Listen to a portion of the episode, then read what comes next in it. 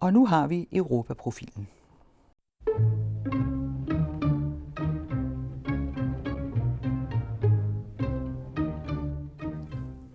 Efter mange ugers medieopmærksomhed er ombudsmanden gået ind i sagen om asylbørnenes vilkår i udrejsecenter Sjælsmark. Børnene mistrives, de føler sig ensomme og forladte. I en nylig undersøgelse foretaget af Dansk Flygtningehjælp hedder det, at børnene diskrimineres i strid med FN's børnekonvention. Ombudsmandsrapporten ventes offentliggjort efter sommerferien, samtidig med, at Folketinget mødes til en ny politisk virkelighed efter Socialdemokratiets historiske brud med det radikale venstre. Hør om lidt en kommentar af Uwe Weiss.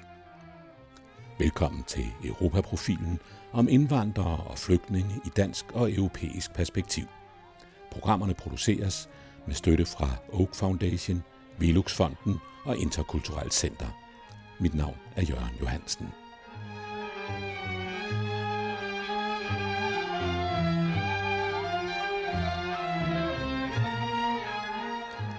En forbedring af børnenes vilkår i asylcentrene og en genindtræden i FN's kvoteordning for flygtninge kan blive de elementer, som forener en splittet centrum-venstre opposition i udlændingepolitikken. Ove Weiss ser på det sidste halve århundredes politiske billede, hvor de radikale har været afgørende for skiftende socialdemokratiske regeringer, og konkluderer, det er en dristig rejse, S-formanden Mette Frederiksen har indledt ved på væsentlige områder at undsige de partier, som skal bringe hende ind i statsministeriet. Ove Weiss. Med titlen Man gør børn for træd bragte den anden radio i april en udsendelse om en noget overset rapport fra Dansk Flygtningehjælp.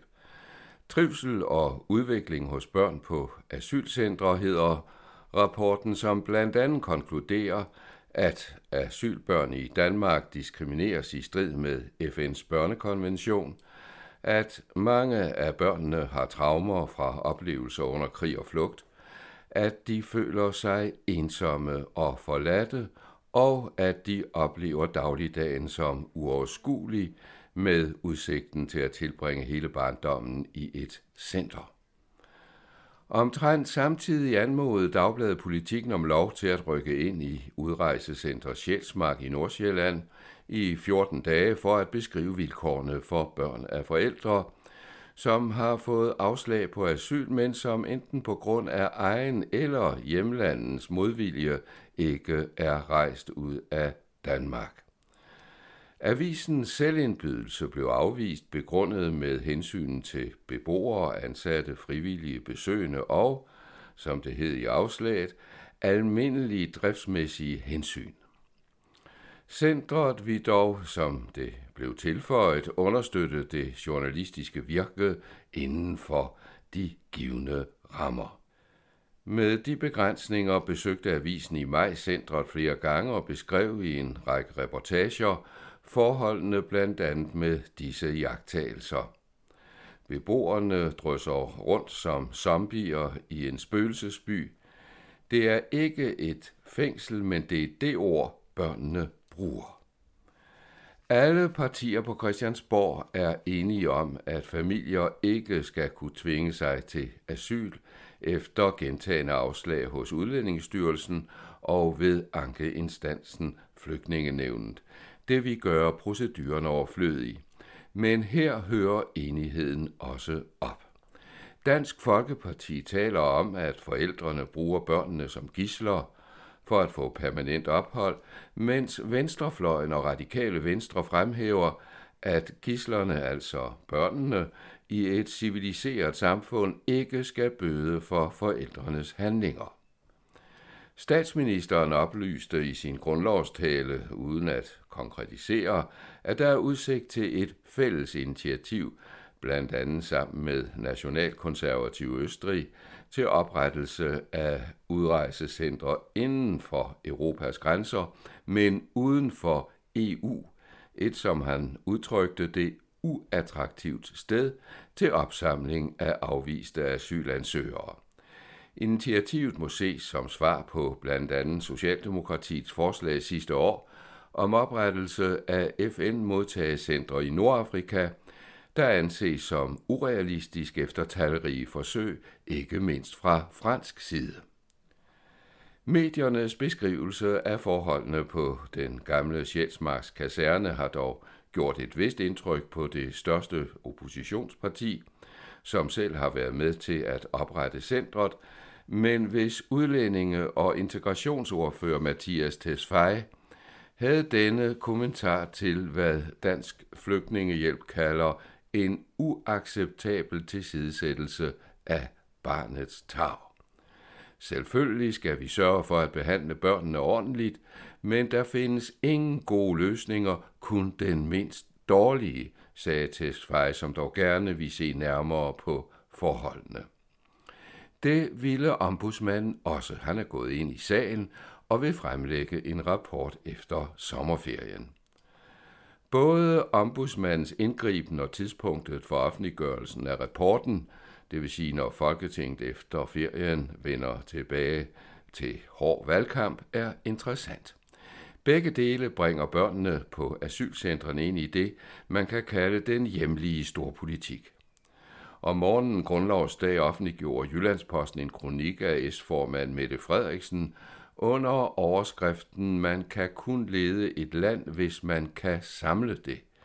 En nyformulering af en nylig ugelang bus- og plakatkampagne Lad os samle Danmark igen. Samlesættet synes dog at mangle flere dele, for i kronikken og i et supplerende to-siders interview gjorde Frederiksen det klart, at der er tale om, citat, slutrejsen for blokpolitikken. Hun opsiger det historiske samarbejde med radikale venstre og satser entydigt på en mulig S-mindretalsregering efter det folketingsvalg, som skal finde sted senest i juni næste år. Kandestøberierne har været utallige, men der er dog enighed om, at den socialdemokratiske formand udviser stor dristighed. Flere forskellige S-top-folk er blevet citeret for vanskelige S-vilkår, når radikale venstres hjælpsomhed i tidens løb udebliver. Det korrekte navn og citat af Jens Otto Kraus.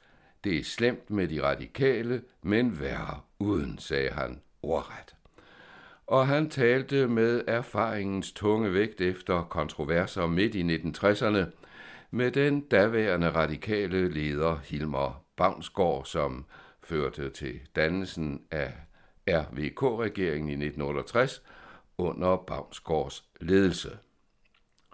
Siden er de radikales nødvendighed for Socialdemokraternes adgang til statsministeriet illustreret adskillige gange partiets støtte og deltagelse i slytterregeringerne gennem 1980'erne, den daværende radikale leder Niels Helve Petersens støttebetingelse med krav om fjernelse af daværende S-formand Svend Augen, beskyldt for, hvad der i nutidigt Trump-sprog kaldes fake news. Og senest efter flere mellemspil de radikales forvandling af SSF-proklamationen i 2011 om, at det radikale parti ikke fik lov at ændre et komma i de to partiers regeringsudspil Færre Løsning til den endelige tekst i regeringsgrundlaget, som lød SRSF-regeringen viderefører VK-regeringens økonomiske politik i bredeste forstand.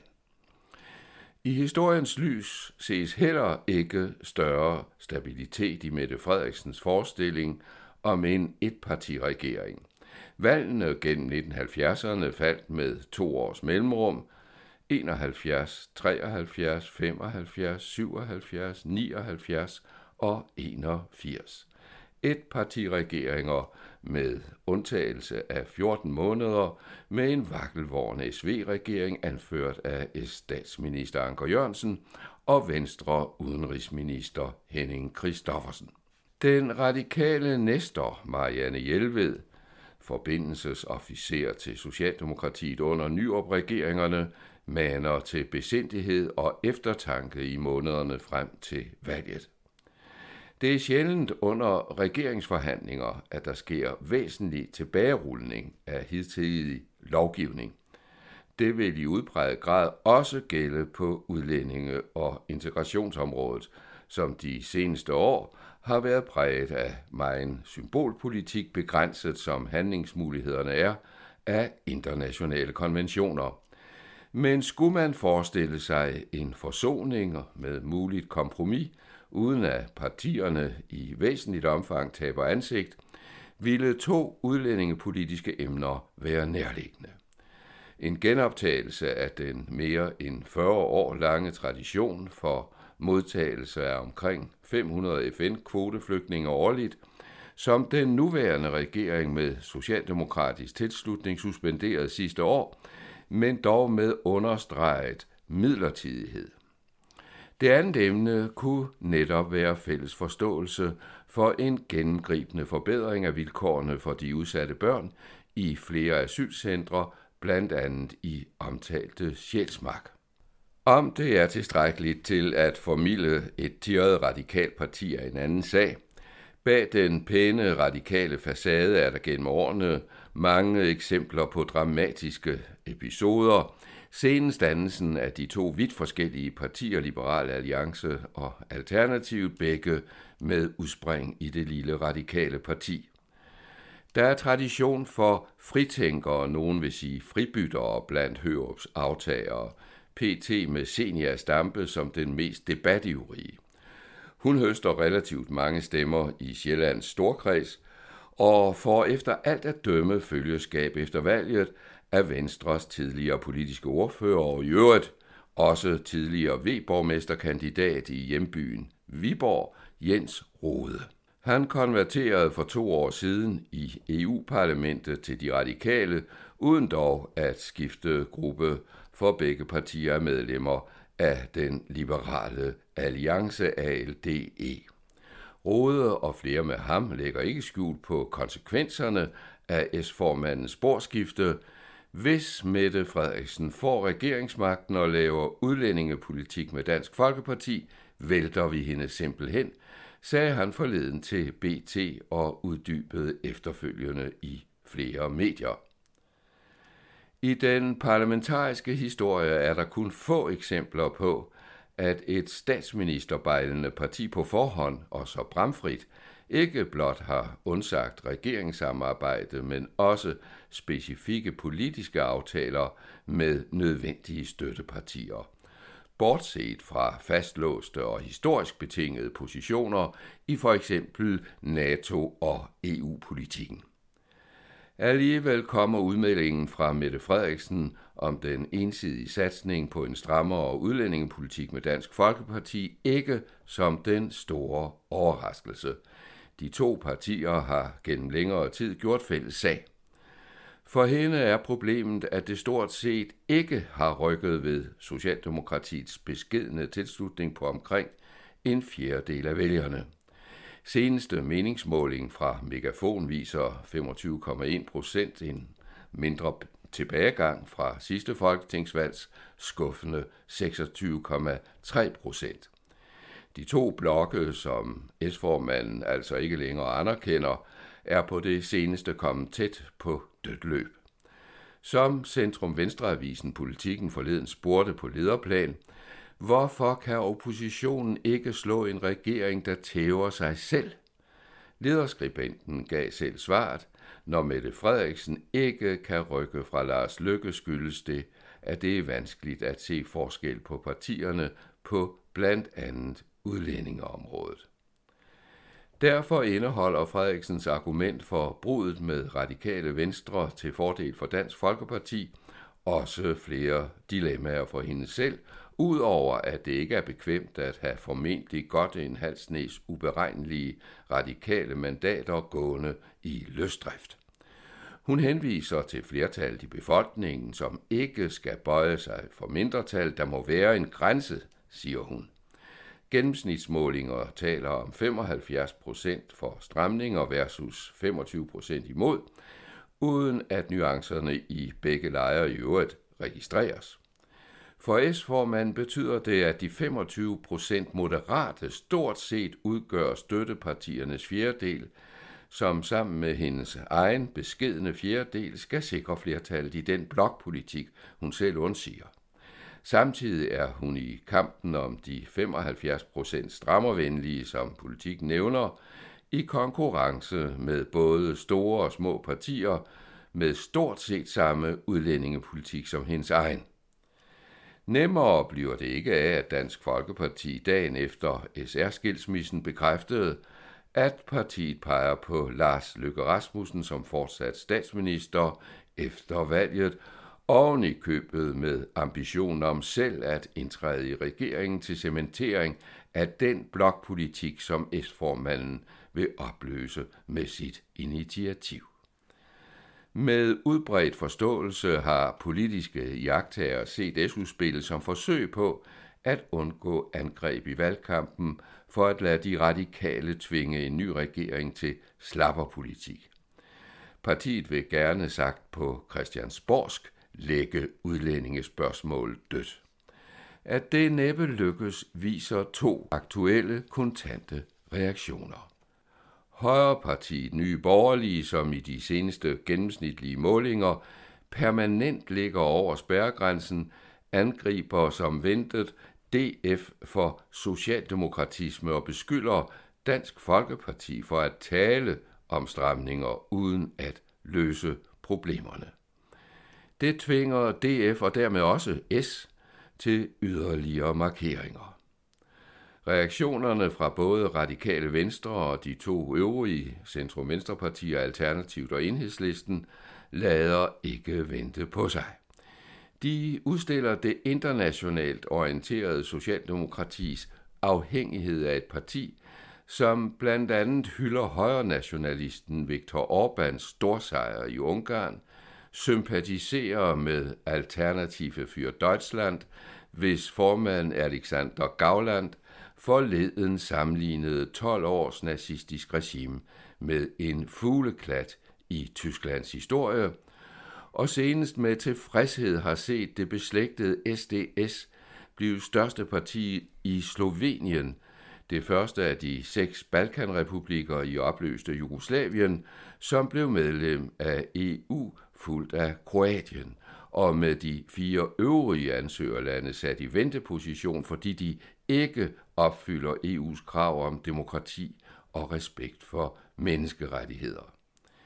Dette europæiske perspektiv er emnet for den tyske idehistoriker Jan Werner Müllers seneste bog, Kampen om demokratiet, som netop er udkommet på dansk. Han kalder de trængte europæiske socialdemokratiers forsøg på ved tilpasning til højrepopulismen at vinde arbejdervælgerne tilbage for en misforståelse og konkluderer, højrepopulismen har gode kår, når de gamle socialdemokratier giver op, og borgerlige politikere kan smage magten. Du hørte Ove Weiss. Og det jeg jo så bare har siddet med nogle af de flygtninge og skulle hjælpe dem med deres lektier, hvor jeg tænker, hold da op. Hvorfor i alverden skal du egentlig vide noget om Henrik Pontoppidans samlede værker?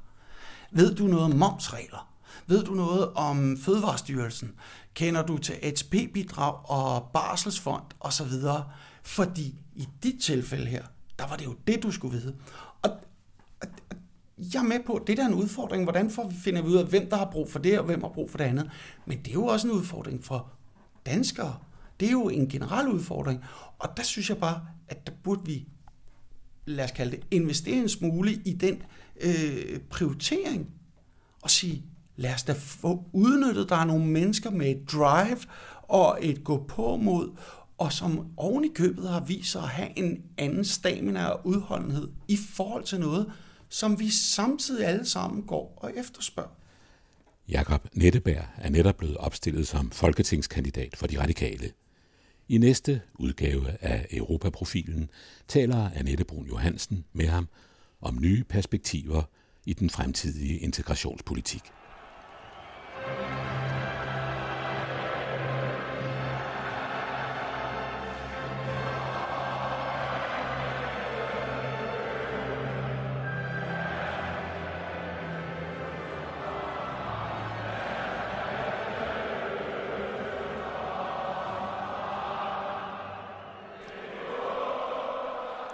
Den anden radios Europaprofilen produceres med støtte fra Oak Foundation, Velux-fonden og Interkulturelt Center og redigeres af Annette Brun Johansen, Ove Weiss og mig, Jørgen Johansen.